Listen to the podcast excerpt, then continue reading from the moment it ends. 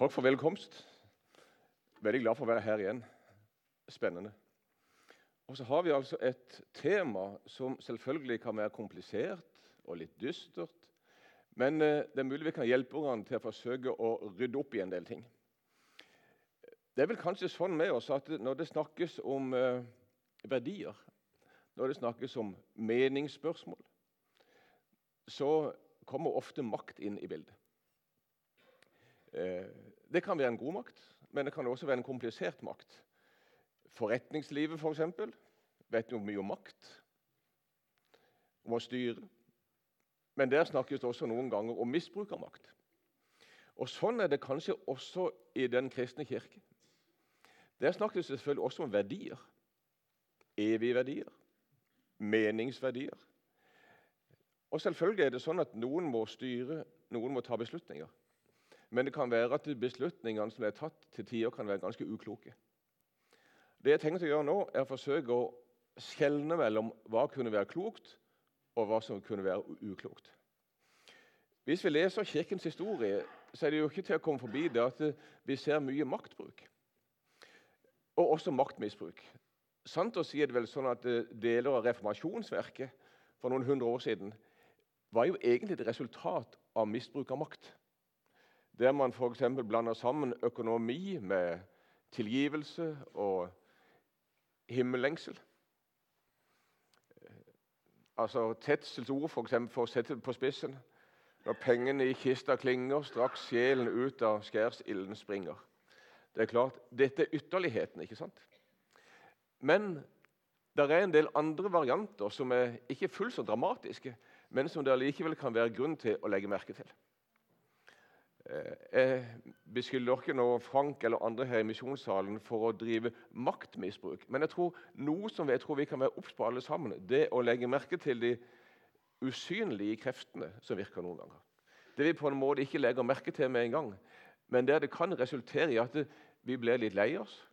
Vi går litt duknakka ut av et møte og lurer på hva var det egentlig som skjedde nå.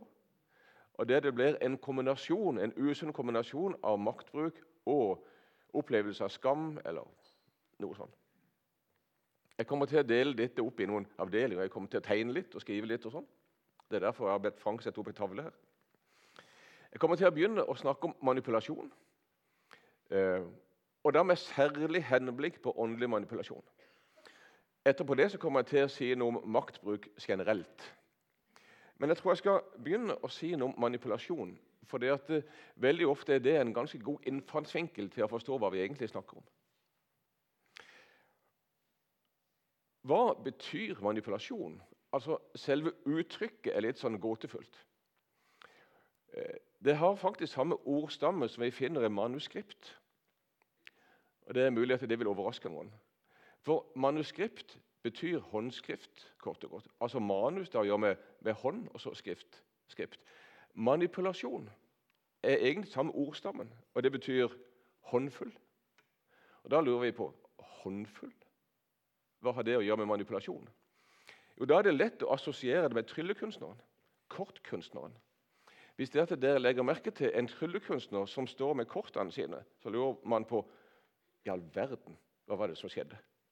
Man blir lurt trill rundt. ikke sant?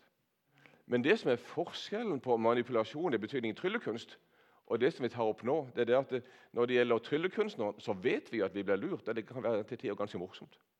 Vi lurer på hva i all verden er det som skjer her. Det er underholdende. Men altså, det er noe av det samme. Altså en håndfull. Man gjør et eller annet med hendene, enten det er kortkunst eller det å gi et utydelig signal til noen. Altså med andre ord, Man dobbeltkommuniserer. Man blir lurt, men man ikke, man forstår ikke hva det er som skjer helt. La oss først forsøke å gi en definisjon av manipulasjon. hva det er for noe. skal vi senere komme inn på hva åndelig manipulasjon kan være. for noe. Nå skal jeg gi deg en litt lang setning. Jeg, jeg skal lese den to ganger, men eh, jeg skal hakke den litt opp etter hvert. En nokså vanlig definisjon av manipulasjon er som følger.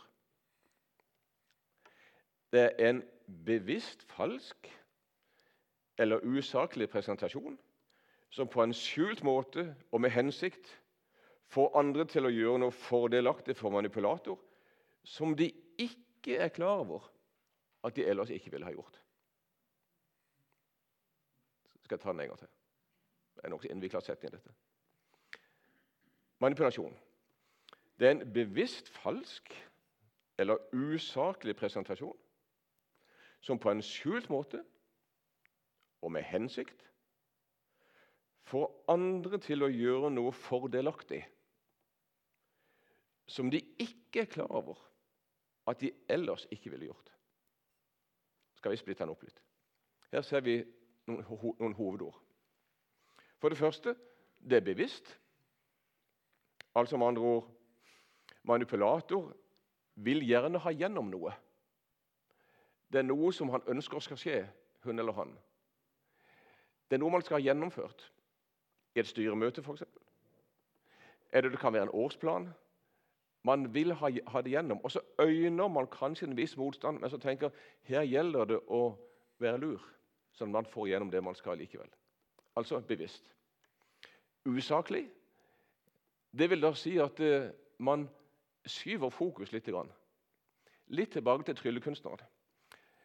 Jeg vet ikke om dere har lagt merke til det at Hvis man ser en tryllekunstner i gang, enten på TV eller hvor det er så har de ofte med seg en hjelper. Og det er selvfølgelig ikke tilfeldig. Det er ikke så lenge siden jeg så en sånn tryllekunstner operere med det å dele en dame i to. ikke sant? Det er, gjerne, det er ofte det de gjør. Det kan, det kan være ganske underholdende, og man lurer på om kommer hun levende fra dette. og Så gjør hun selvfølgelig alltid det. Men man lurer på hva, hva skjer nå? Hva var det som skjedde? Men den filmsnutten som jeg så der, der hadde den tryllekunstneren med seg en medhjelper. Og Den medhjelperen var en sykepleier i uniform. Jeg er gift med en sykepleier, men jeg har aldri sett henne kledd sånn som dette. For det at hun var utringa omtrent ned til navlen. Hvorfor det? Jo, selvfølgelig er veldig bevisst. Det er fordi at det, da skal det bli en fokusendring. Det lille øyeblikket som tryllekunstneren skal lure oss, så er fokus et annet sted. akkurat i det lille øyeblikket. Man blir liksom litt sånn fjetra over det man ser. Det er selvfølgelig bevisst. Og det er usaklig fordi at man endrer fokus. Altså, det vil si, Man får øynene hengt opp et annet sted i stedet for det som man egentlig tror man ser på. Altså bevisst, usaklig, og så som de ellers ikke ville ha gjort. Det vil si, når man kommer litt til sans og samling, så lurer man på hva var det i grunnen jeg var med på for noe. Eh, det skjedde et eller annet som jeg på en måte ikke helt fikk tak i hva var for noe. Og Etterpå så lurer man på eh, var jeg helt ved mine fulle fem nå, egentlig. Eksempel, For å ta et helt sånn verslig eksempel. Noen av dere har kanskje vært i Syden og blitt utsatt for en sånn Timeshare-selger. Jeg har vært det et par ganger.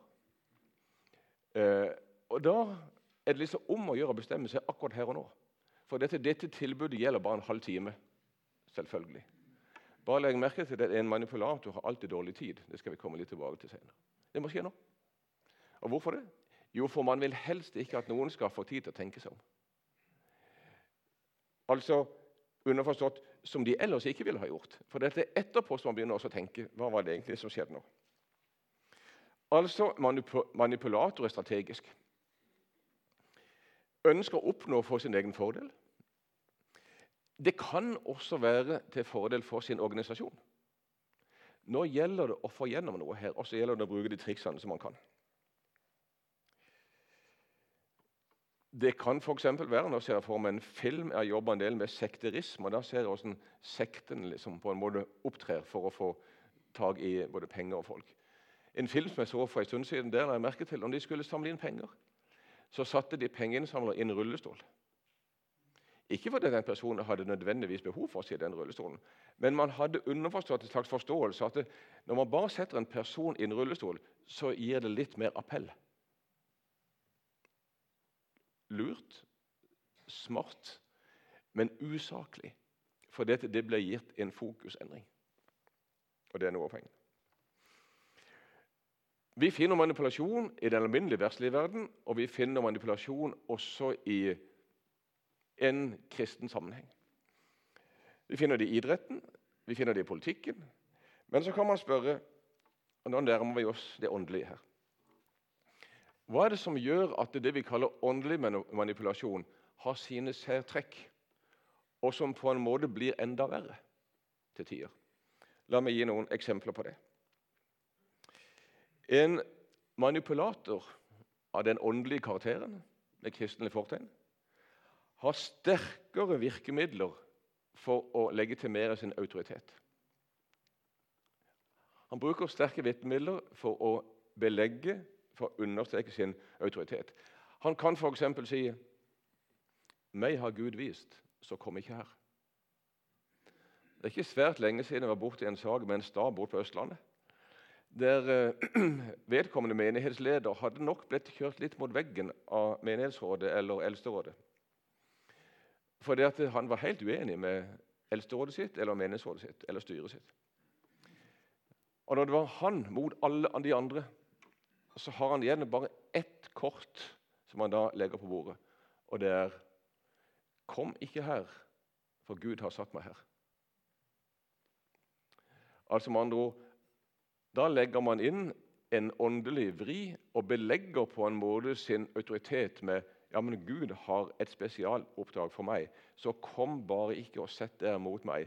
Hvis det at dere setter dere mot meg, så setter dere egentlig dere mot, opp mot Guds apostel, som Gud har satt her. Det vil muligens være en ekstrem variant, men det er litt mildere varianter av det samme. som jeg skal komme tilbake til etter hvert. Men iallfall sterke virkemidler. Henviser til en autoritet for å få gjennom det man skal. Et poeng til. Det kan være at denne manipulatoren med åndelig fortegn har langt sterkere sanksjonsmuligheter enn det som man finner innenfor den alminnelige verdslige verden. Det vil si, man kan lokke med himmel eller true med helvete. Altså, det vil si, man opererer i svært tydelig grad med et innenfor og et utenfor. Nå snakker jeg ikke om vanlig kristen forståelse, om tro eller ikke tro. Men nå snakker jeg om og det å høre med til denne klanen her. En bestemt gruppe som Gud har vist, eller som Gud har satt der. Det er klart, Da blir det litt mer skummelt. For Da blir det innenfor eller utenfor, alt etter hvorvidt man er helt med i denne gruppen her eller ikke. Hvis man er med i denne gruppen, så er man på den rette siden. Hvis man er utenfor denne gruppen, så er man kanskje ikke fullt så mye med. Det vil si, man har et dårlig forhold til å kunne kanskje lære av hverandre av de som er utenfor. Nei, man tenker det er vi som har skjønt det, ingen andre. Det tredje punktet, som sier noe om hvordan en åndelig manipulator har litt sterkere virkemidler, det er at denne legitimeringen av disse virkemidlene kan i sin struktur være vanskelig å etterprøve. Altså Hvis en person sier en engel fortalte meg i natt eller 'Jeg så i et syn at' osv. Det er ikke så lett å motbevise det eller etterprøve det. Eller hva skal vi si? Skal komme tilbake til når vi skal få sensuren litt ned på bakkenivå. Men det er klart, denne personen her fremfører da en setning som i sin natur ville være vanskelig å være uenig i. Man kan ikke liksom motbevise et syn eller en drøm. eller hva Det skal være. Det jeg nå har tenkt å gjøre, og Det er derfor Frank har satt frem tavla her. som jeg har bedt om. Det, nå skal jeg i første omgang dele dette inn i fire kategorier. Som jeg tenker kan være nokså alminnelig, som vi skal være obs på innenfor det er rett og slett alminnelig menighetsliv. eller hvor som helst man er. Det er ikke spesielt, det er ikke nødvendigvis veldig kraftig kost, men vi skal legge merke til hvordan det er en del usynlige krefter som kan virke. Og skal gi noen eksempler på dette La meg bare si med en gang, Jeg kommer til å bruke en god del eksempler. Men jeg kommer til å kamuflere alt selvfølgelig fra A til Å. Ikke noe skal være gjenkjennelig for noen. og Dessuten så tror jeg kan si at alt er henta fra et annet sted av landet. sånn at det, eh, det behøver ikke å tenke 'Å ja, det er hun, ja', eller 'det er han'. Det er det altså ikke. Men det, det første vil jeg kalle å skyldbelegge.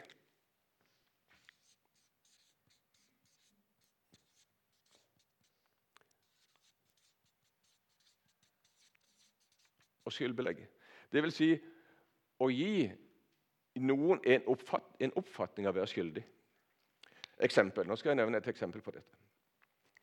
Lise er 19 år og er akkurat ferdig med videregående. Hun blir spurt av sin menighetsleder Lise, kunne du tenke deg å arbeide blant barn hos oss. Og Lise sier ja, det kan jeg veldig godt tenke meg. Lise er glad i barn og har alltid syntes det har vært fint å jobbe med barn. Det kan, dette kan være en lønna stilling, men det kan også være en frivillig aktivitet. Det går ett år, to år og tre år, og Lise liker den jobben veldig godt. Og Foreldre er takknemlige for at Lise gjør denne jobben. her. Og takker både Gud og mennesker for at Lise finnes i menigheten. Så fint. Det tredje eller fjerde året så er det ikke til å undres over at Lise begynner å bli litt sliten. Og Så kommer hun til sin eh, menighetsleder og så sier hun det at det har vært fint å være med på dette, men nå har jeg egentlig behov for en utdannelse, og jeg er egentlig nå kommet til litt sliten. Det har ikke noe å gjøre med at det ikke har vært fint, men jeg er litt sliten, og jeg nå trenger en, eh, et skifte i dette. Da kan hun møte en klok leder. Hun kan møte en uklok leder. Hun kan møte en veldig uklok leder. Hva sier den kloke lederen? Da skal du vite Lise, at du har gjort en fantastisk jobb hos oss. Så flott. Gå nå oppreist ut av oppgaven. Signe deg i din utdannelse. Gå oppreist ut, og du skal vite det at mennesker i denne menigheten vår takker både Gud og mennesker for at du har vært her hos oss. Gå oppreist ut, og tusen takk. Den ukloke lederen sier, 'Ja, men eh, vi har ingen andre', vet du. Og den veldig ukloke lederen sier, 'Ja, men du vil vel at barna skal høre om Jesus, vil du ikke det?' Da sitter hun i klisteret. Hva er det som har skjedd? Jeg nevnte manipulasjon som en type fokusendring. Altså, Det som har skjedd her nå, det, det som da blir fokus her nå, det er rett og slett samvittigheten til Lise. Nå er det på den, den som er det sentrale her. Og hva skjer med Lise? Jo, følgende natt sover hun svært lite. Hun har, skrekkelig dårlig samvittighet. En skyldfølelse. Og Hva er det vi pleier å gjøre med vår skyldfølelse når dette blir for sterk? Det kan være en reell skyld, eller det kan være en falsk skyld. Men hva gjør vi da? Da er det som regel sånn at det, eh, da får vi det vi kunne kalle for en soningsbehov. Altså det vil si, Skyld skal jo sones, ikke sant? Og da kjenner Lise på skylden. Hun får et behov for å sone den skylden som hun da allerede har begynt å kjenne på denne natta. her. Og hva gjør hun med det? Hva soner hun for noe? Hvordan gjør hun det? Jo, Tidlig neste morgen så ringer hun til, til menighetslederen og så sier hun at jeg har ombestemt meg. Jeg fikk så dårlig samvittighet. Jeg tar ett år til. Så gjør hun det. Og så går hun i dørken. Dette jeg nå sier er et konkret eksempel. Så går hun helt i dørken. Og så får hun syv tulipaner fra menighetsrådet og takk for jobben. Og da er hun rimelig godt vaksinert for å si ja til flere ting i ettertid. Altså, man har skyldbelagt henne. Og det er egentlig en type manipulasjon. Man flytter fokus over til samvittigheten til Lise. Og hun får da behov for å strekke seg lenger enn det er dekning for. Dette sier meg noe ganske viktig nå. nå, nå jeg har jobbet for Sjelesorginstituttet Modovadi innen 30 års tid. og Jeg har møtt en del ulike kirkesamfunn og menigheter. Og Det som har slått meg ganske ofte, Kanskje fungerer det her i misjonshallen veldig bra. Eh, unnskyld, misjonshuset veldig bra. Men det har slått meg at det, i kristne menigheter er vi veldig flinke til å starte opp ting. Etablere ting. Vi er ikke fullt så gode på avslutninger. Altså Avslutningen blir noen ganger litt frynsete. Det er I stedet for å hjelpe mennesker til å gå opprett ut av oppgaven, så er det noen ganger mennesker kryper ut av oppgaven fordi de er utslitt. Og så har man liksom ikke fått støtte til å gå ut av oppgaven med en samvittighet som er god. Dette vil jeg til en viss grad kalle for åndelig manipulasjon. Man hjelper ikke mennesker til en god avslutning. Jeg tenker Dette kan vi bli bedre på. Neste eksempel Jeg sa det var fire sånne typer eh, manipulasjon. Det vil jeg kalle skambelegge.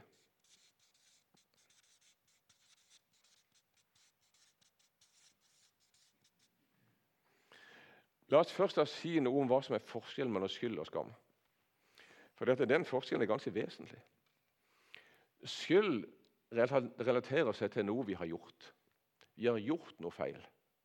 I Den kristne kirke kan vi mye om skyld og oppgjør, tilgivelse, oppreisning, rettferdiggjørelse osv.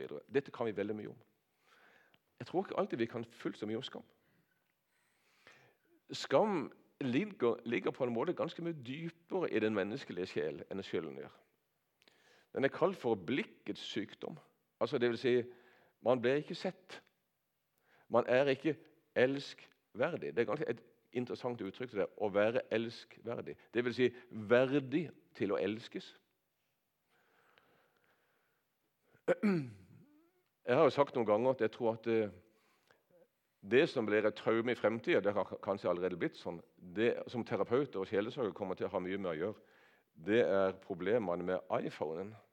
For det at det, Man ser f.eks. at det, en, en, liten en kryper rundt beina på en voksen og så, for å forsøke å fange blikket, men den voksne har ikke tid til det, for han ser rett inn i iPhonen. Blikkets sykdom. Altså det vil si, Man opplever seg ikke elskverdig. Altså Det som skjer i skambelegging, det er at man er f.eks. inne til en samtale med en leder eller noe sånt, en pastor, en prest, en diakon, hva som helst. Så går man ut etterpå og så lurer man på hva, hva var det i grunnen som skjedde nå. Jeg føler meg litt sånn uggen, men jeg får ikke helt tak i det. Det er et eller annet som jeg ikke får helt tak i. Hva kan det være for noe? Da er det rimelig god grunn til, at til å tenke at dette gjøre med skam. Det er et engelsk uttrykk som ikke er så lett å oversette, som heter 'belittle'. Og Det betyr å gjøre mindre, altså å redusere et menneske. Mens skylden handler om hva jeg har gjort, så handler skammen om at jeg er visst ikke noe særlig test hele meg. Jeg er på en måte feil. Ikke bare det jeg har gjort, men hele meg er på en måte feil. Når det gjelder skambelegging ut fra en sånn åndelig forståelse, så bruker man veldig ofte, eller det er mange eksempler på det som kalles for hersketeknikker. Det vil si, Herketeknikk det er også en sånn type, sånn type tryllekunst. eller et eller annet sånt. Man endrer fokus. Jeg skal gi tre skal vi si, åndelige eksempler på det. Der I alle disse tre tilfellene så føler man seg gjort litt dum. Det ene, Et eksempel er det vi kunne kalle for falsk enten, falske enten-eller. Jeg skal gi deg et eksempel på det. Da går vi mange år tilbake, og så kommer vi til EU-diskusjonen om Norge skulle være med i EU eller ikke. Da la man også inn sånn, en åndelig variant til dette. Og så ble det f.eks. sagt, og siterer noen overskrifter Vil du si nei til EU, eller vil du åpne opp for Antikrist? Vær så god. Det er det som kalles for en falsk enten-eller. Det var kristne mennesker som stemte ja, og det var kristne mennesker som stemte nei. Altså, ut fra det vi kaller for når vi er i et luthersk hus her nå, det som kalles for en luthersk to-regimentlære. Det er det at noe i verden er overlatt til vår fornuft, vår forstand, å velge mellom. Om man sier ja eller nei til EU, det gjør man ut fra på en måte sin, sin, sin kløkt eller sin forstand, eller hva man hva måtte mene om det. Men i det øyeblikket her så gjør man det til et åndelig spørsmål. Det er en hersketeknikk som er ganske effektiv. Vil du si nei til EU, eller vil du åpne opp for Antikrist? Falskt enten-eller. Altså man Sa man ja til EU, så måtte man bare vite at da åpner man altså opp for Antikrist. Et eksempel til. Det er det som vi kunne, kan, som vi kunne kalle for latterliggjøring. Det er også maktbruk. Åndeliggjøring. Tenk at jeg skulle oppleve sånne synspunkt på vårt årsmøte. Du verden. Det hadde da virkelig ikke venta. Altså. Åssen er det da å fremme det synspunktet? Det Man blir selvfølgelig oppfatta som stokk dum. Latterliggjøring. Gjort til latter. Ganske effektivt, egentlig. Spesielt hvis dette blir gitt en sånn åndelig overskrift. Et tredje eksempel. Man kan noen ganger bruke spørsmål som våpen. Det eksempelet som jeg nå kan, eh, skal si det. det. det. er kanskje litt forsiktig, men det, det kan allikevel være ganske skummelt. Tygg litt på spørsmålet en person som har vært syk, og så får den syke personen et spørsmål. Har du merka at jeg har bedt for deg? Ja, ok. Hva skal man svare? Hvis man har merkene, så er det jo fint å kunne si ja, tusen takk, det var fint. det er fint å Hvis man ikke har merka det, hva gjør man da? Da har man ett av to valg. Enten skal man lyve og si nei, det har jeg faktisk ikke merka i det hele tatt. Det sitter langt inne å si det. Nei, altså, Hvis man sier ja, ja det har jeg merka, så, så, opplever man kanskje også å lyve. da, ikke sant? For man har jo ikke merka Eller hvis man sier nei, det har jeg faktisk ikke merka så ble det på en måte også feil. ikke? Altså Når man bruker spørsmål som våpen på den måten der, og stiller ukloke spørsmål, selv med en åndelig fortegn, så kan det faktisk også ligge under overskriften og bidra til å skambelegge mennesker. At man føler seg litt dum. Tredje uttrykket det kaller vi for lovbombe.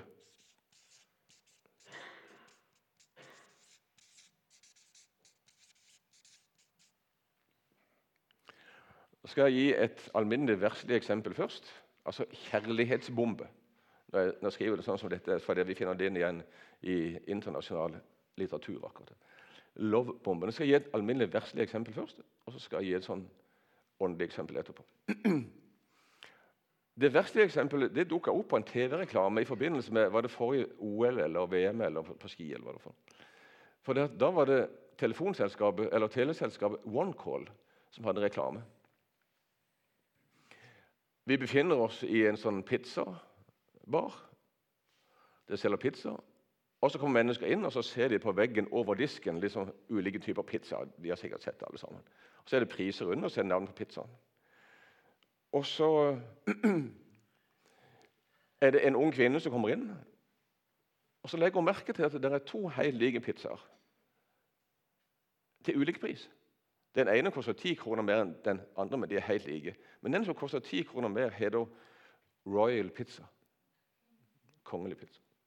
Royal pizza. Og Så kommer denne unge kvinnen frem til disken og så spør hun, hva er egentlig forskjellen på disse to. Nei, det er egentlig ikke noe forskjell. Ja, Men hvorfor koster den ene ti kroner mer? da? Jo, fordi at den heter Royal Pizza. Men innholdet er det samme. Ja, innholdet er det samme. Men så er poenget.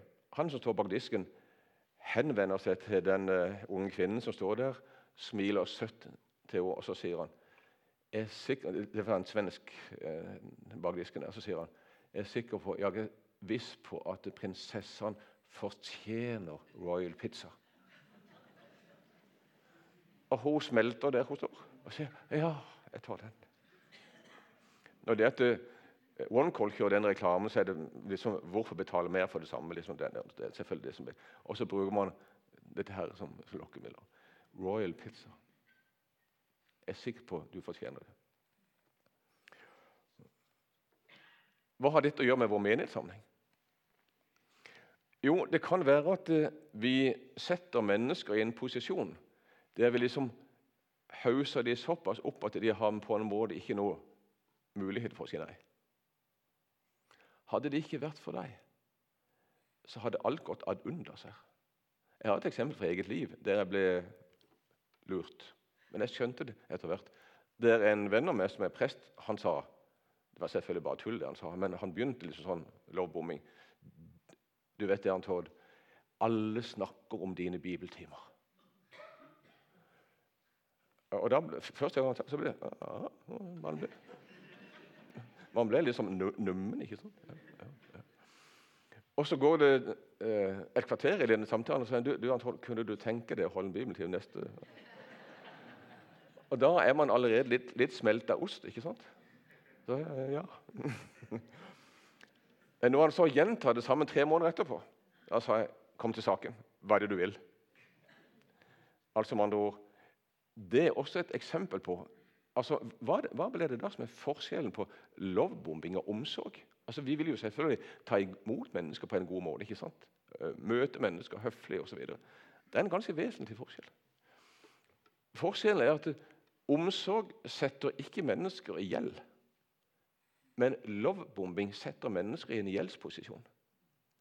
Det vil si, driver man med lovebombing og liksom på en måte setter mennesker på en pidestall som er på en måte helt hinsides enhver fornuft, så er de låst. Eller man opplever seg ganske låst, for da syns man ikke man kan si nei lenger. Da er man på en måte låst. Man settes i en posisjon der man skylder noen noe. Man har tross alt hørt alle disse fine ordene. ikke sant? Den fjerde vil jeg kalle for ignorere.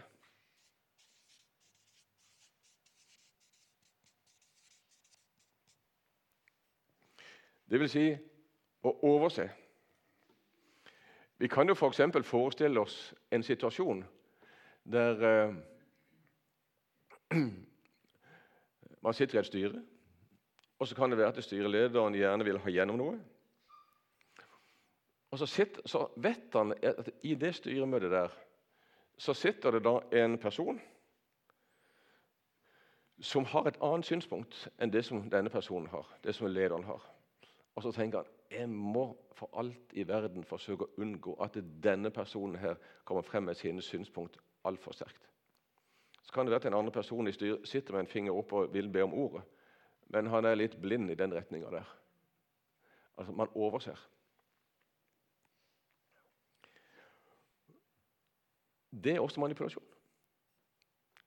Fordi at eh, man åpner ikke for en fri debatt når alt kommer til alt. Altså med andre ord man overstyrer den gode samtalen fordi at man vil ha gjennom noe. Dette var fire eksempler. Skal jeg gå litt videre? Skal jeg ta bare noen få minutter til, og så tar vi en, pause?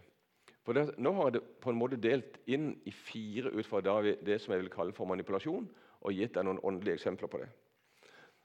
Og skal jeg ta en litt annen variant.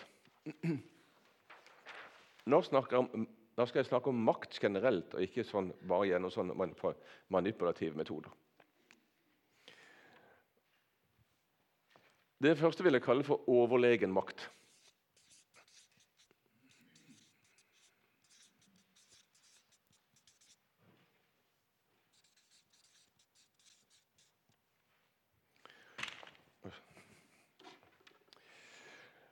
Jeg nevnte et eksempel for den menighetslederen som hadde sagt at uh, 'meg har Gud vist'.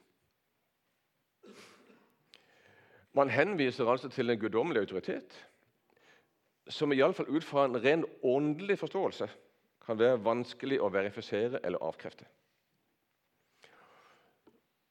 Jeg skal nevne et par eksempler fra Oldkirken som viser hvordan man måtte håndtere den type makt.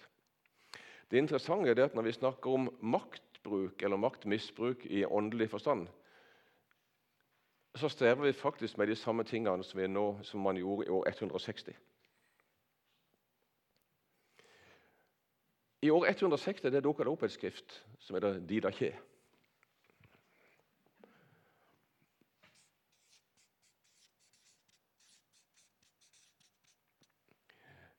Og Det tok for seg spørsmålet hva gjør vi med vandrende profeter som kommer fra landsby til landsby? For det var det mange på den tida der. Som ville bringe noe fra Gud inn i menigheters liv. Men det hendte jo at disse vandrende profetene de tok litt hardt i. Og henviste på en måte til en guddommelig autoritet uten at de helt hadde dekning for det. Derfor så fant man ut i de kristne menigheter i år 160 at vi er nødt til faktisk å ha en guideline. Altså Vi må på en måte ha en slags sensur for dette. Og så sa man det ganske morsomt. Dette står altså svart på hvitt i dette Didache-skriftet av 160. Hvis det, ut, hvis det kommer en profet til landsbyen din Hvis han ser ut til å bli der én dag, lytt til ham ser han ut til å bli der to dager. Bli mistenksom. Ser han ut til å bli der tre dager, kast han ut. Da er han der bare for å få mat. 160, År 160. Altså, Hva er det man ønsker å si med dette? Jo, Man ønsker å si med dette at Vi kan ikke ta alle åndelige budskap for god fisk. Man må ha et sensurapparat for noe. Og det sensurapparatet må ligge på bakkeplan. Et eksempel til. Omtrent på samme tid litt senere, så er det menigheten i Syria som også måtte finne opp et sensurapparat. Hvordan skal vi håndtere den type åndelighet som, som bringer en autoritet og bruker autoriteten sin ifra Gud? Det kalles for den syriske apokalypse.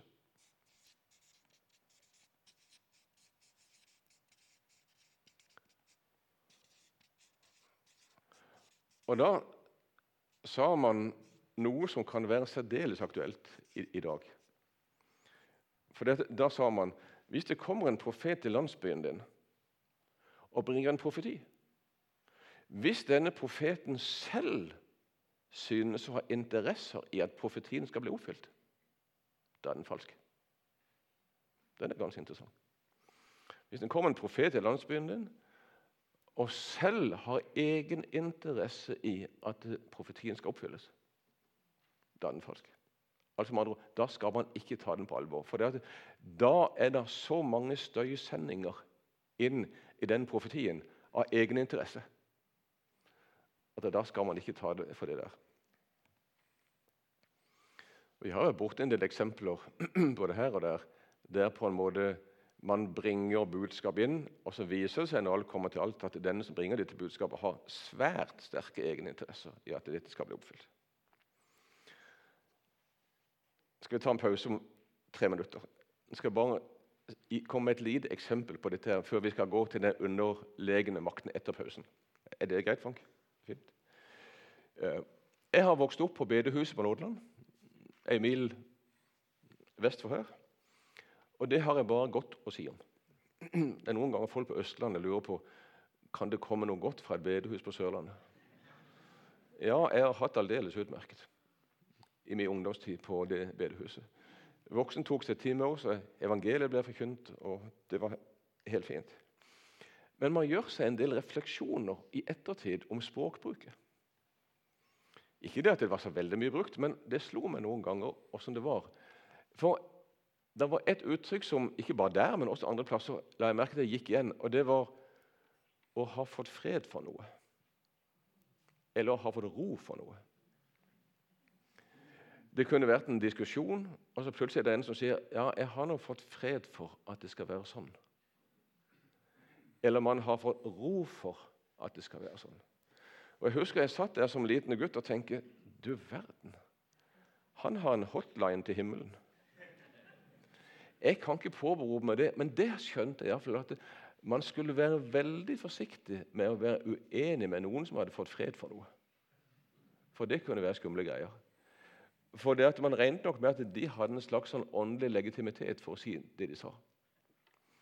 Noen ganger så tror jeg det var et språkhell, et, et munnhell, mer enn det var sånn alvorlig maktbruk. Men det er kanskje et veldig godt eksempel på hvordan sånn uforsiktige uttrykk kan oppfattes helt annerledes enn det var ment. Og Da tenker jeg at noe som ligger i trygt medarbeiderskap eller lederskap, det er å kunne greie å sette seg inn i, skal tro hvordan dette oppfattes av den andre. Kan det være at dette oppfattes av den andre sånn som jeg har ment det? Eller ligger det noen muligheter for at den personen kan oppfatte dette annerledes enn det som jeg har ment? Klokskap på ledernivå og i medarbeiderskap, uansett hvem vi er sammen med, det å ha såpass med empati at vi kan forstå skal tro hvordan det oppfattes av den andre. Og hvordan er det å være den andre nå, når jeg sier dette eller når jeg gjør dette? Det er et uttrykk på norsk som er empati. Det er ikke så lett å forstå hva det ordet egentlig betyr. for noe, Men på tysk heter ordet 'einfühlung'. Og det vil si å føle seg inn med. Det vil si, da føler man seg inn på, innenfor Skal tro hvordan det er å være den andre. Einfühlung. Skal tro hvordan det er å være den andre når jeg sier dette som jeg nå sier. Og Det kan være at vi i all vår medlederskap og lederskap kan, skal stille spørsmål til oss selv. Hvordan er jeg egentlig å være uenig med? Hvordan er det å være uenig med meg? Er det ok? Går det greit? Altså det er klart Noen må ta noen beslutninger. Men hvordan er selve samtalen før beslutningen tas? Blir jeg da latterliggjort? Eller åssen er det? Jeg har også selv som medarbeider et ansvar for skal tro hvordan dette blir oppfattet. Og Spesielt hvis man legger inn kristne ord og vendinger. Da kan det oppfattes annerledes enn det jeg har ment. Skal vi ha en pause, og så skal jeg fortsette med underlegen, underlegen makt og nøytral makt. og Så ser vi hvordan det går etter hvert. Er det greit, Frank? Vi tar en liten pause nå? Ja.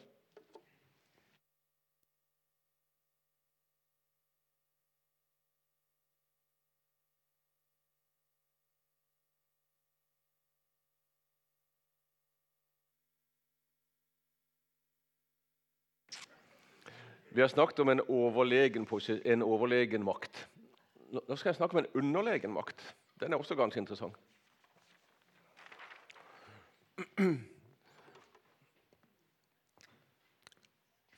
Det virker nesten litt paradoksalt å snakke om en underlegen makt. Men jeg skal gi eksempler på det.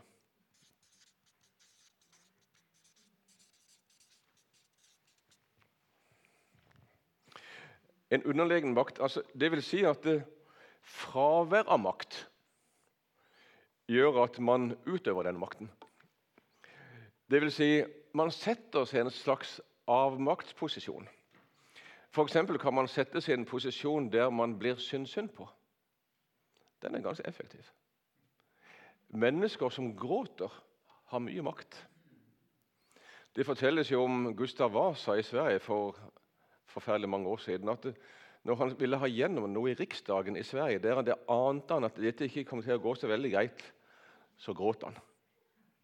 Kongen Gustav Vasa gråt i Riksdagen for å få gjennom noe. Altså med andre ord, Det er ikke så lett å være uenig med noen som gråter. For det at man syns synd på, og det gir en makt i seg selv. Og Man kan faktisk også ut fra en underlegen posisjon utøve makt ved sin taushet. Eksempel. Før jeg begynte på Modum Bad, så jobba jeg som lektor på Diakonihøgskolen i Oslo i flere år. Og Jeg husker ett kull der der det var en kvinne som var noe eldre enn alle de andre. Hun sa ingenting det året. Satt litt på spissen, da, men stort sett ikke. Men jeg la merke til hvilken makt hun hadde. For at eh, når, når, studentene skulle si noe eller spørre om noe, så la jeg merke til at i økende grad så, så de bort på henne. Skal tro hvordan hun tar dette. Og da la jeg merke til ansiktsuttrykket hennes. At da kan hun gjøre sånn sånn Eller diskré sånn. Og Etter hvert så la jeg merke til åssen makt hun fikk. Altså. altså med andre ord, Det er et ganske godt eksempel på å herske med sin avmakt. Jeg tror kanskje hun skjønte det. For det, var hennes måte å kunne styre noe på. Hun vågde kanskje ikke å ta ordet av litt forskjellige grunner, men hun ville gjerne styre likevel, bevisst eller ubevisst. Skal jeg gi et annet eksempel fra en menighet på Østlandet.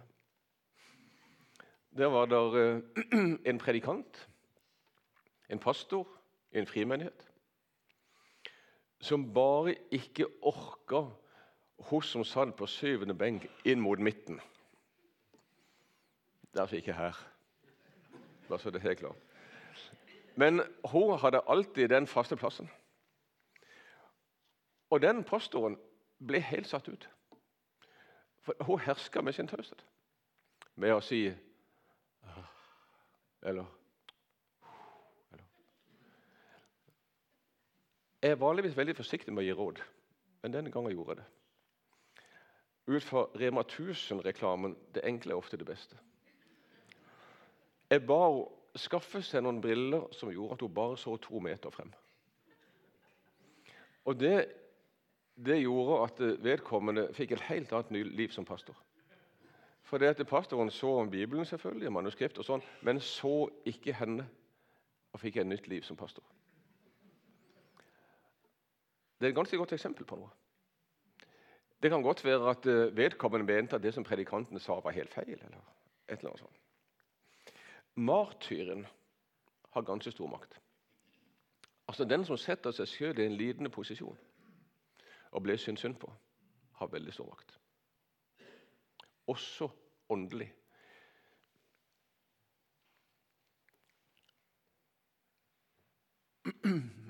Skal jeg gi noen eksempler på dette her med underlegen makt? Flere av de har sagt nå. Hvis vi nå skulle tenke oss medarbeiderskap vi tenker at vi er en forening eller en menighet, eller hva det er for noe. Så går det an å dele disse i fire typer. Jeg tror noe av dette passer inn i det som vi kaller for underlegen makt. Skal dere få fire typer mennesker. Det, den ene personen heter forutsigbar hyggelig.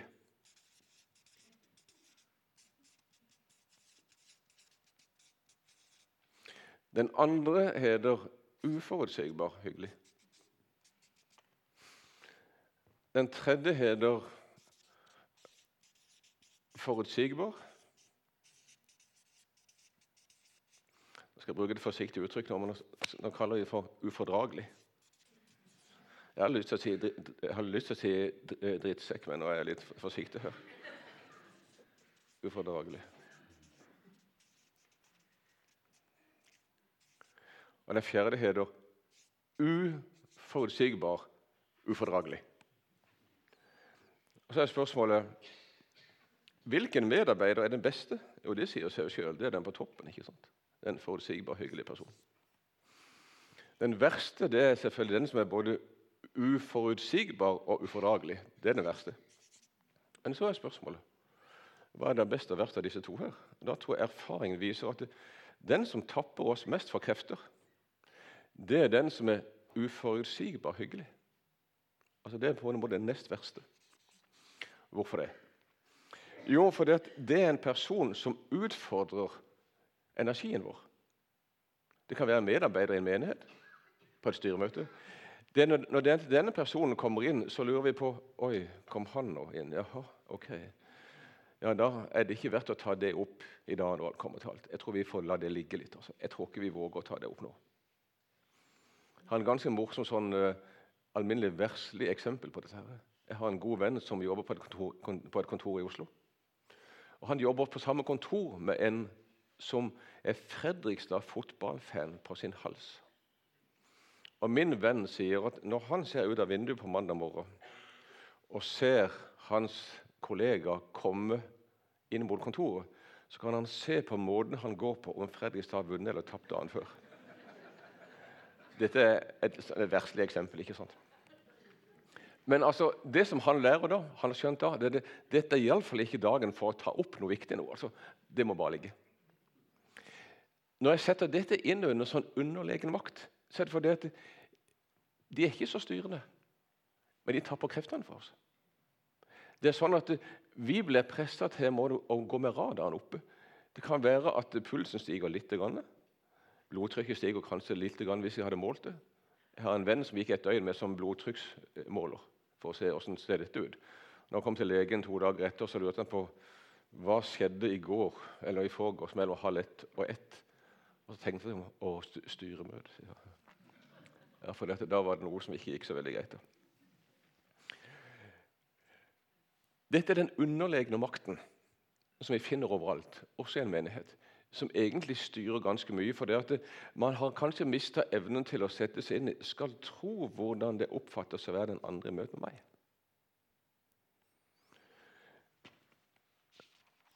Så kommer den tredje. Det vil jeg kalle for en nøytral posisjon.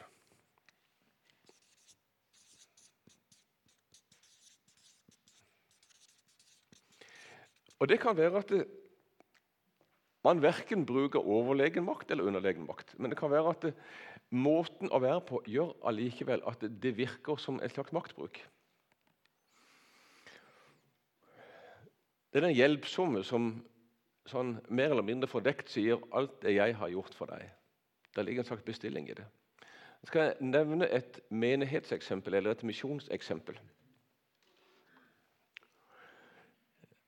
Ehm, et misjonær ektepar har fire barn. Det er ikke uttalt veldig direkte, men det ligger litt i kortene.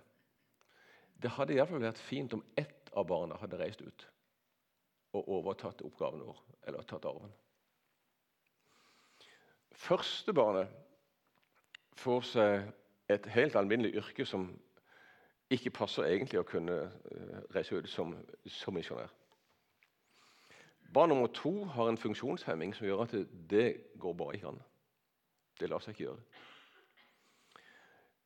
Barn nummer tre ble playboyen, som har et helt annet livssyn, og for hvem dette er helt fjernt. Da hadde jeg ett barn. Og Dette er sånn live-eksempel. Det kan være at det ikke er uttalt veldig klart. Men det kan godt være det at fjerde, det fjerde barnet tenker én må jo ta opp arven. Og Nå ser jeg jo åssen det går med de tre andre. Det var egentlig det verste jeg kunne tenke meg, men jeg føler meg forplikta til å gjøre dette. Det som den personen selvfølgelig hadde trengt, da, det var veiledning. Forsøke å ta det opp med. Men han har en opplevelse at det ligger i kortene at noen må jo på en måte ta opp arven. Og da måtte det bli meg. Man har på en måte ikke samvittighet til å hoppe av det. her. Jeg er ikke så sikker på om foreldrene har ment det så sterkt.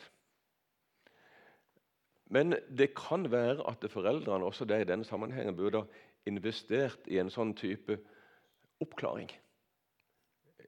Før du reiser ut, snakk med noen. Ikke gjør det bare fordi at vi venter det. eller noe sånt. Dette er satt litt på spissen, men ikke veldig. For dette, det foregår med denne type samtaler.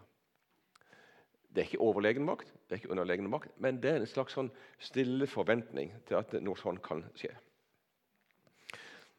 Helt til slutt nå så skal jeg hoppe over dette. Nå skal jeg komme inn på tre-fire punkter helt til slutt som kan være sånn måte å utøve makt på som vi skal veldig, være veldig obs på. Det første punktet det vil jeg kalle for forskjellen mellom tilgivelse og tillit.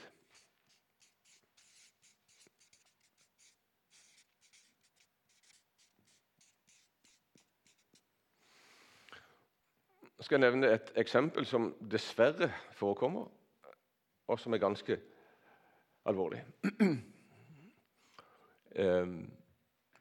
En 22-årig mannlig ungdomsleder har en eh, overgripende seksuell atferd i forhold til ei jente i samme menighet på 16 år. Dette kommer fra en dag. og Han eh, kler seg i sekk og aske bokstavelig talt, og gråter og ber om unnskyldning. Eh, så går det en stund, og så tenker man som så at ok, han har bedt om unnskyldning. Vi må jo kunne tilgi. Står det ikke tross alt i Bibelen noe om 70 ganger 7? Nå har han bedt om unnskyldning. Han hadde kledd seg i sekk og aske for å bruke et billedlig uttrykk. Da må man jo kunne begynne igjen som ungdomsarbeider et par måneder etterpå. Det tenker jeg er maktmisbruk fra menighetsledelsens side. For det at man låser seg fast i noen tilgivelsesuttrykk som er noe helt annet enn tillit. Tillit, sier man, det er noe som rives ned i meteret og bygges opp i centimeter. Her må vi kunne skjelne. Hvis ikke så blir det helt ille. Hvis vi skal si noe teologi rundt det, så tenker jeg tilgivelse det hører med til nådens område. Tillit hører med til lovens område. Det vil si, tillit er noe man gjør seg fortjent til. Det er lovens område. Det er noe man kan kreve. Det er ingen som kan kreve tillit. Det skal tilbys. Her har jeg sett ganske mye rart, også ut fra en sånn åndelig maktbruk. Da er det selvfølgelig noen som sier ja, men du verden, skal vi være så strenge at vi ikke skal kunne ta tilgivelsen på alvor? Det har ikke noe med det å gjøre. Det har å gjøre med tillit. Her, her må vi kunne være ganske skarpe. Det var det første. Det andre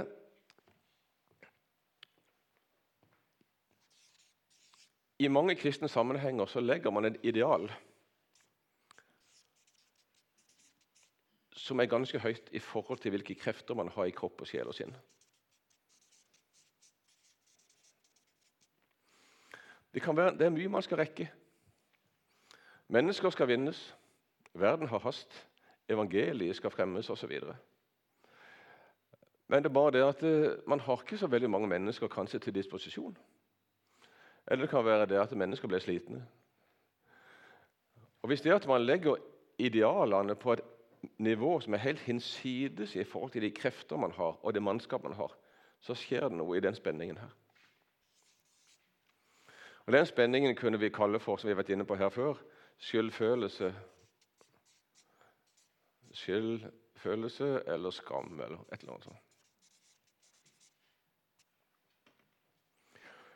Da settes man altså som sagt i en gjeldsposisjon. Hva må man gjøre med det? Jo, Det kan være at man skal bevilge seg det som kunne kalles for en idealanalyse. Og det vil si Hvem har lært meg mine idealer som er på en måte helt hinsides enhver fornuft? Det gir god grunn til å lage en analyse av det. For det hvis idealene er på en måte helt hinsides, så vil man alltid komme til kort. Man vil alltid oppleve seg enten dum eller ufordragelig eller et eller annet sånt. Hvor har man lært idealene henne? Er det fra foreldre, eller er det fra en menighet man var i før? Eller kan det rett og slett være at det er gudsbildet mitt? Altså Vi skjeller noen ganger mellom Gud med liten g og Gud med stor g. Gud med stor g det er Bibelens Gud. Gud med liten g det er de gudsbilder som vi danner oss, som kan være påvirka av ulike støysendinger i livet. Altså, Vi har alle sammen autoriteter. Og Disse autoritetene de kan jo påvirke også vår forståelse av Gud som autoritet. Gud er autoritet, mennesker er autoritet. Altså med andre ord det fargelegger noe. Men la oss forsøke å finne ut av hvem har gitt meg de idealene som gjør at det er ikke til å leve med. Og Kan vi hjelpe hverandre da til å, å spørre oss selv om Kanskje vi skulle senke idealene litt? Og så hjelpe hverandre til det uttrykket som heter 'godt nok'. Eh, Bibelen har formaninger som er gode med seg. Vis gjestfrihet. Gå den annen mil med. Vend det andre kinn til. Ja, men det er gode vers. Men vi har også andre vers på den andre sida som sier 'Kom med meg til, et stille sted og hvil dere litt'. Det er Jesus ord, det også. Altså med andre ord visdommen ligger i balanse. Men det som har slått meg veldig mange ganger, det er jo mer sliten man er, jo mer henger man i disse versene som er ganske tunge. Vis gjestfrihet. Vend det andre kinn til. Gå den andre bil med. For noe av det som skjer når man blir altfor sliten, også i en menighet, det er det at man mister litt perspektiv. Man mister fantasien. Og så tenker man ok, det må jo være sånn, da. Her trenger vi hjelp. For det, er klart, I all tydelighet her så kan det ligge mye maktbruk og maktmisbruk. Der vi må hjelpe mennesker til å ikke leve med en dårlig samvittighet bestandig. Jeg eh, hørte en gang en predikant litt sånn satt på spissen selvfølgelig, som sa det at han hadde forstått det at eh, å være kristen på norsk er å ha dårlig samvittighet hvis man ikke har dårlig samvittighet. Vær så god. Da sitter man i klisteret. Tredje punkt.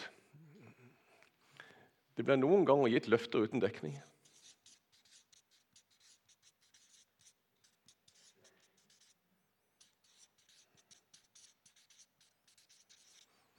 Bare du tror sånn og sånn og ber sånn og sånn, så blir det sånn. Og vi, vi, trenger ikke å gå ut til det utrerte. Altså, vi, vi, trenger ikke å gå til herlighetsteologien av forskjellige slag. Men jeg tror at det er nok deler av dette som finnes i vår alminnelige midte også. Der man, man sier 'Jeg har fått det for meg. Har, Gud har fortalt meg at du skal bli frisk'. Det kan være fint å bringe håp. Men noen må av en eller annen grunn finnes i å vente til alt er skapt nytt, til Jesu gjenkomst osv. Vi skal være edruelige i vår håpsforkynnelse. Det er ikke det samme som ikke kunne bringe håp, men det er innenfor rammen av Guds rike, og det går helt inn i fremtiden. i det nye. nye. Et tredje punkt. Er det plass til å være menneske? Dette er selvfølgelig en spissa setning.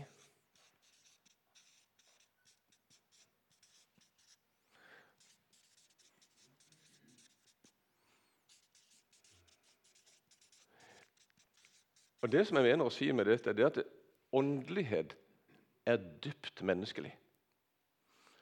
En som jeg jobber sammen med på, på, på Hjemmelokallen, som heter Stefan Gustavsson, han har skrevet en glitrende bok som har en flott tittel.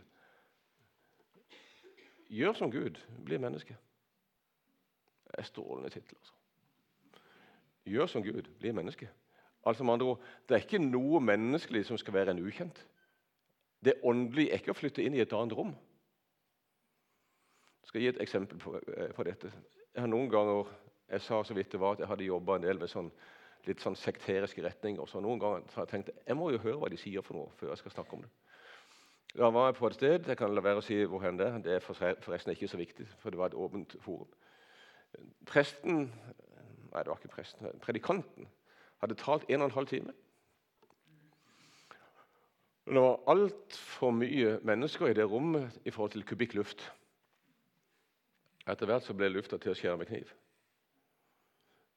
Og Da spør han i forsamlingen er det noen som kjenner et trykk her.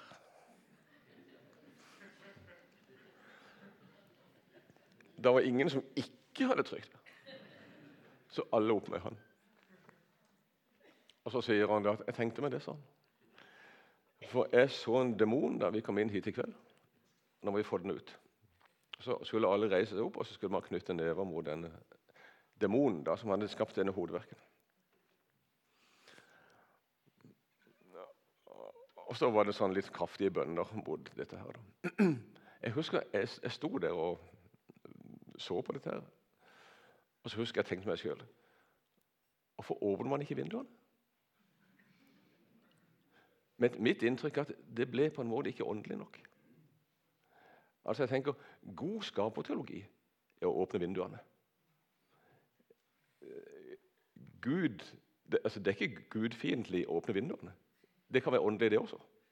Noen ganger er det det som skal til. Man behøver på en måte ikke lage en åndsforklaring ut av noe. Tror Det er viktig å se at det åndelige hører også med i det skapte. Det er Guds verden, det også. Det er mulig man åpner vinduene etter hvert, men eh, jeg var i hvert fall veldig opptatt av at man skulle lage en åndsforklaring først. Dette var selvfølgelig et spissa eksempel. Men det jeg ønsker å si med dette, er at det er god åndelighet å gi plass til det å være menneske, med alt det det innebærer av det å være menneske. Det tenker jeg er ganske god tenkning. Det vil si å gi rom for de lengsler vi har, og hva vi føler. Altså Det er rom for å føle hva som helst, men det er ikke dermed sagt at vi skal la de følelsene resultere i hva som helst. Det er noe helt annet. Og så til slutt et siste punkt. Det har å gjøre med bønn. Bruk av bønn.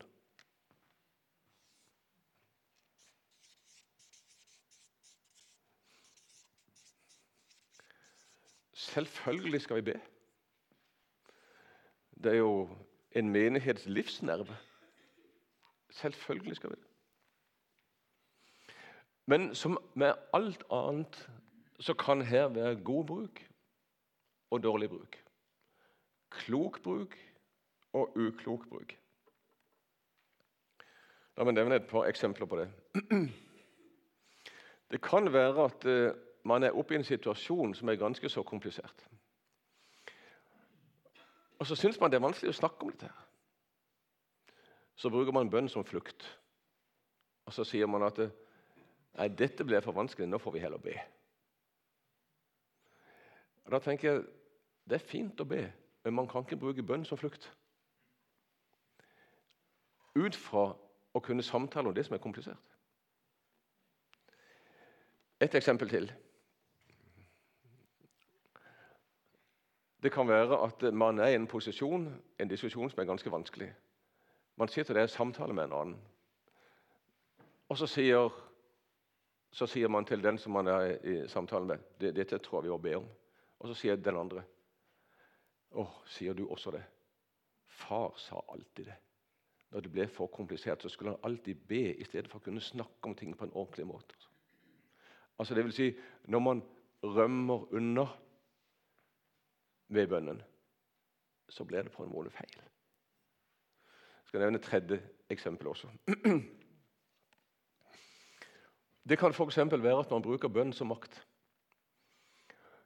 Eh, man vet f.eks. at det er en konflikt mellom en mor og en datter eller en far og en sønn.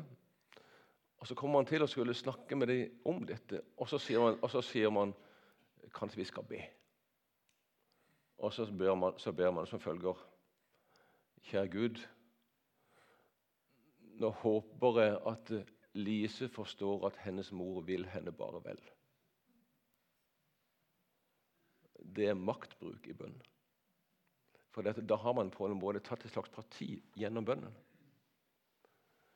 Det tror jeg man skal være ganske så forsiktig med. Det er ikke dermed sagt man ikke kan, kan be. Men man må også der bruke den type visdom som skal til for hvordan oppfattes dette den andre. Nå går jeg inn for landing. Så går vi litt tilbake til det vi begynte. Og så kan jeg spørre hvem er det som kan manipuleres? Jeg tenker Hvem som helst av oss kan bli manipulert. Det kan være at vi har et behov som gjerne skal dekkes. Og så blir det møtt av en autoritet som kanskje har mye karisma i seg. Og Den kombinasjonen av et behov og en person med mye karisma det kan til tider være en ganske dårlig blanding. Så tenker jeg at Man kan kanskje noen ganger skape et behov som i så fall kan utnyttes. Skal jeg ende opp her litt morsomt, da? Eh, der vi ikke tar det så veldig alvorlig alle sammen. Noen ganger skal man det. Jeg er veldig glad i tegneserien Asterix. Det er kanskje flere enn meg som er det. Det beste bladet som fins i Asterix-serien, det heter Asterix og Obelix et KAS. AS. Og Det som er fint med det bladet der, det er der, da har Obelix, som er opptatt av å selge bautasteiner, tenkt som så at det, her gjelder det altså bare å få høvdingens kone interessert. Så forærer han en bautastein til høvdingens kone. Og så ser de andre Wow! Høvdingens kone har bautastein. Det må vi også. Og plutselig så går salget til værs. Altså med andre ord, Man har skapt et behov, og så skal det etterfølges. Det siste her er ikke så lett å åndelig oversette. Men det som jeg har forsøkt å si noe om her, det er at det er noen ganger litt hårfine nyanser mellom maktbruk og maktmisbruk. Det er ikke noe galt å ha makt. Noen må ta beslutninger, og noen må mene noe. Hvis ingen hadde ment noe som helst, hadde det gått helt galt. ikke sant? Men det skal skje med kløkt og visdom. Og man kan gjerne be. Man skal be om klokskap og visdom. Og man skal ikke minst be om at den andre må ikke oppleve meg nedlatende eller skambeleggende eller skyldbeleggende eller latterliggjort eller ignorert. Da tenker jeg at da får vi det mye bedre sammen. Når vi har den hensynstagen til, til hverandre. Nå er klokka halv ni.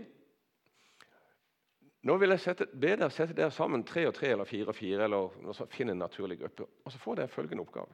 Det er ingen vidløftige oppgaver. Ingen skal bli hørt her oppe etterpå. Men eh, spørsmålet er kort og godt Hva av det som du har hørt nå, beit du deg merke i? Og hva kan være aktuelt i situasjonen din? Det er ikke mer vidløftig enn det. Ingen skal bli hørt etterpå. Det kan være jeg spør noen har lyst til å si noe, men ingen skal komme opp hit. Men hva er det som dere nå har hørt, syns du ble mest aktuelt i den sammenhengen som du står i? Ti minutter, tre og tre eller fire og fire, eller bare danne ei gruppe rundt deg. Fra nå. Sett i gang.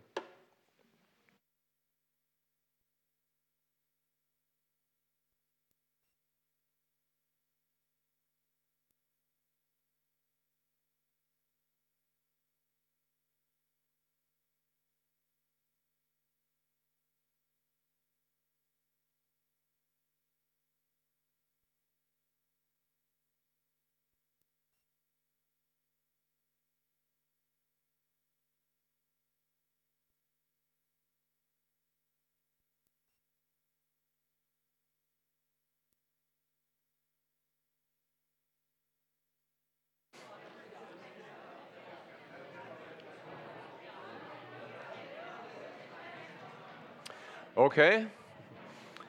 Jeg sa ti minutter, og det holder vi på. Vi får holde oss unna det manipulative her. Men er det noen som har lyst til å si noe, eller uh, spørre om noe? Eller det er også lov å være uenig. Altså, er det noen som har lyst til å si noe? Det er ingen som må, men hvis noen har lyst til der nede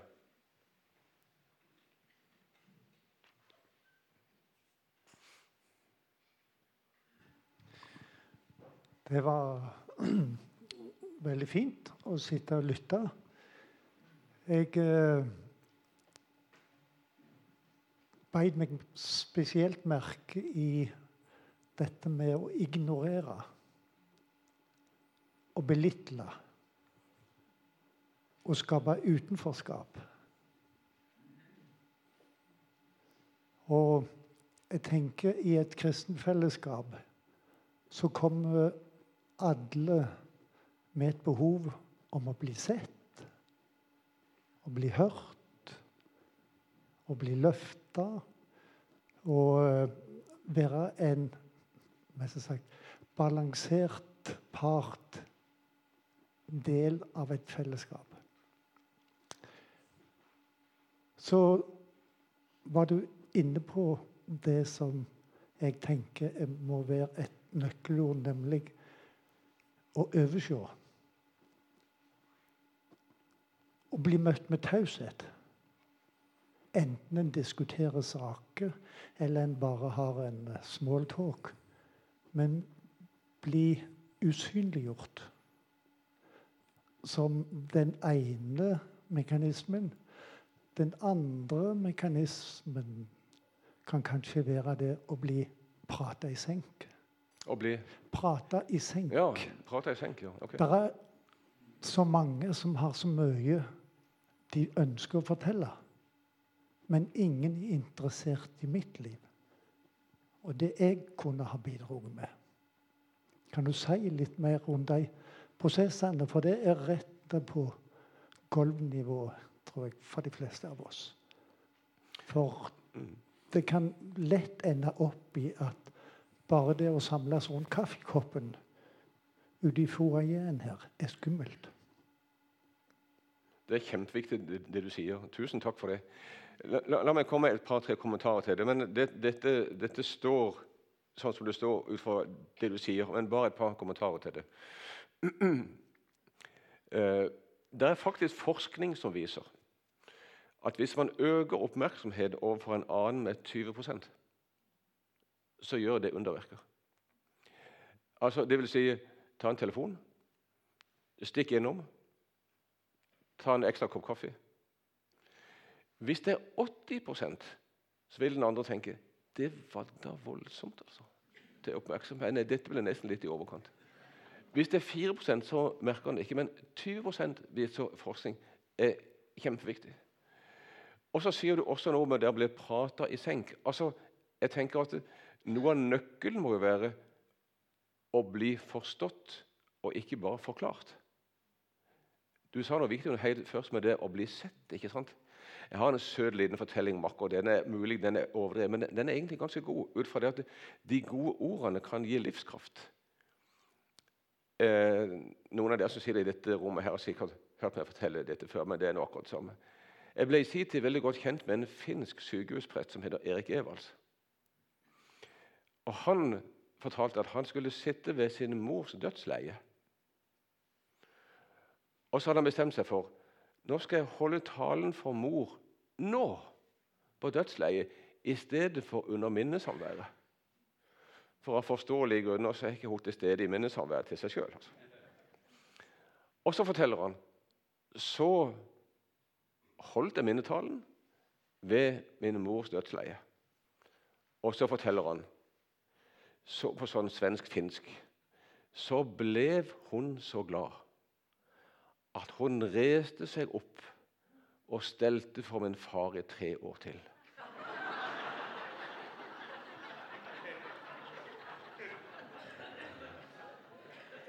Jeg husker jeg fortalte en gang det der til, til, til, en lege, og han sa vel, vel, han overdrev vel litt. da.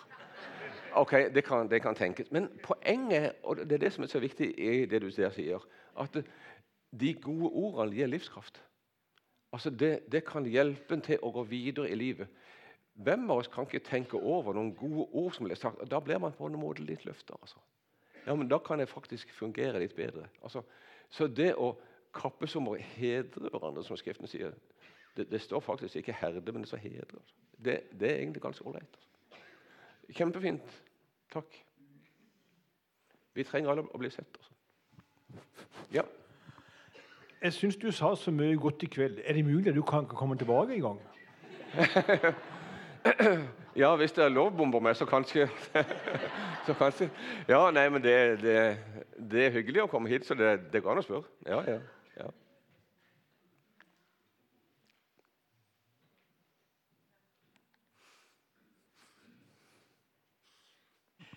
Ja, jeg satt og, og, og, hørte på det du sa, og kobla det til et problem. Eh, det er jo et problem i vår tid at uh, frimenigheter, forsamlinger, også Den norske kirke, faktisk har problemer med å rekruttere nok pastorer, prester osv. Kan det være en sammenheng mellom, mellom dette at folk, mange er redd for å gå inn i sånt nå fordi det sitter så mange i forsamlinger og menigheter og, og, driver med ulike former for manipulering. At vi rett og slett, Det er forsamlingen, menigheten, som ønsker en ny pastor, som bidrar til at han ikke kommer. Det er et veldig godt spørsmål. Eh, og jeg tenker det, det er ganske sammensatt. Eh, hvis jeg oppfatter det riktig, så sier du det at det, det, det, kan jo godt være at man i utgangspunktet har lagt for dagen et ideal som er litt for høyt. Altså, Hva skal man egentlig kunne forvente av en menighetsleder? Altså, Er det sånn at man skal liksom på en måte uh, fylle alt i alle, så å si? Uh, men, men, jeg tenker da, da, må man sette seg ned og så må man lage sin analyse av hva er det egentlig vi trenger. Og, og hvem, hvem, kan gå inn i det? Og så tenker jeg, Som så mye annet i en kristen menighet så er det noen skal, som, som, skal bes frem. Altså. Men, men, jeg tror man skal skaffe seg en analyse av hva, hva det egentlig man trenger. Og hva forventer vi den personen som skal komme? Altså.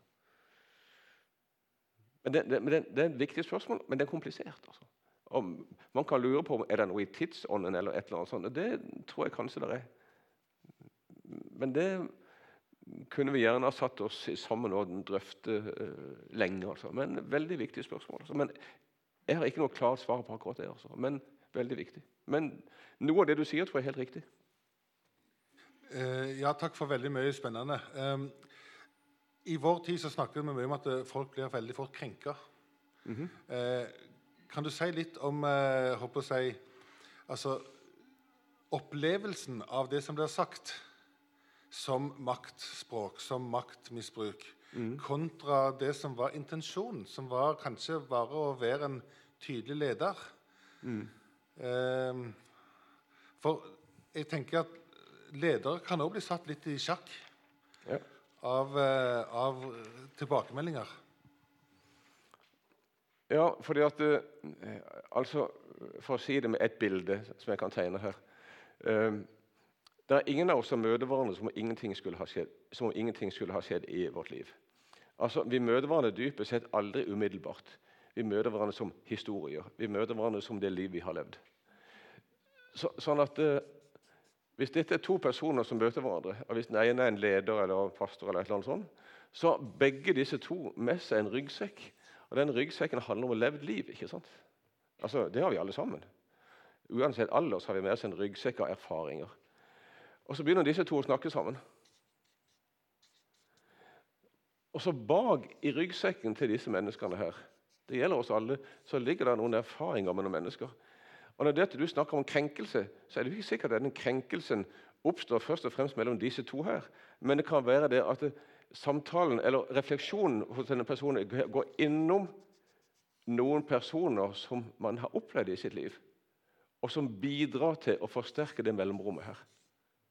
Altså det er det som en psykolog vil kalle for overføring. Altså Man overfører et minne, man overfører en erfaring fra en tidligere person.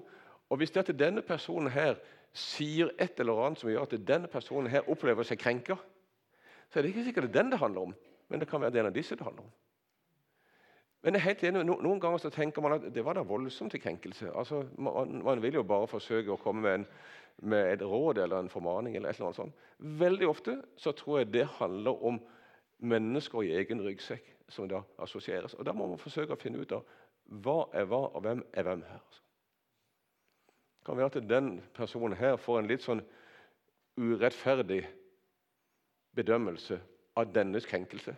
når det handler om noe helt annet. Og Så kan det selvfølgelig også være at denne personen har sagt noe som er ganske tåpelig. Altså, det kan selvfølgelig også være det. altså. Men det er noe med dette krenkelsesuttrykk som blir litt, så, litt kraftig noen ganger. Altså. Jeg er enig med deg i det.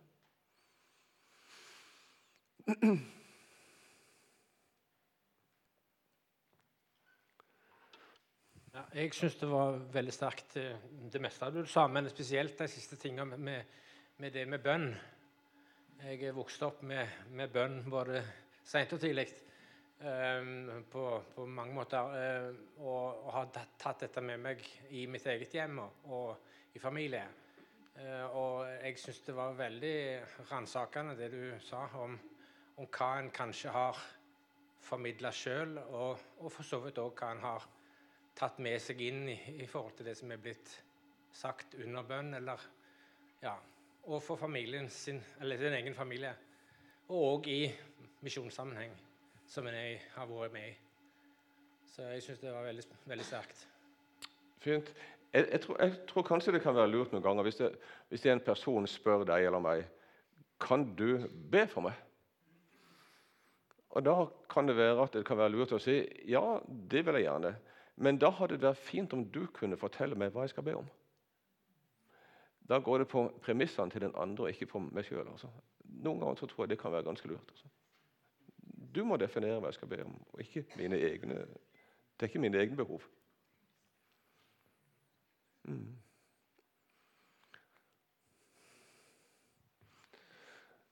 Ok, da er vi kanskje kommet til veis ende. Da ser jeg ikke flere hender. Men vi har fått masse. Tusen takk for uh, mye visdom, innsikt. Uh, vi har fått uh, redskapen, materiale, å, å, ta med oss i, i hverdag, både i familie og menighet og ellers hvor vi ferdes. Takk for et hyggelig oppmøte. Kjekt at det kom så mange. Takk for i kveld. Vel hjem og velkommen igjen.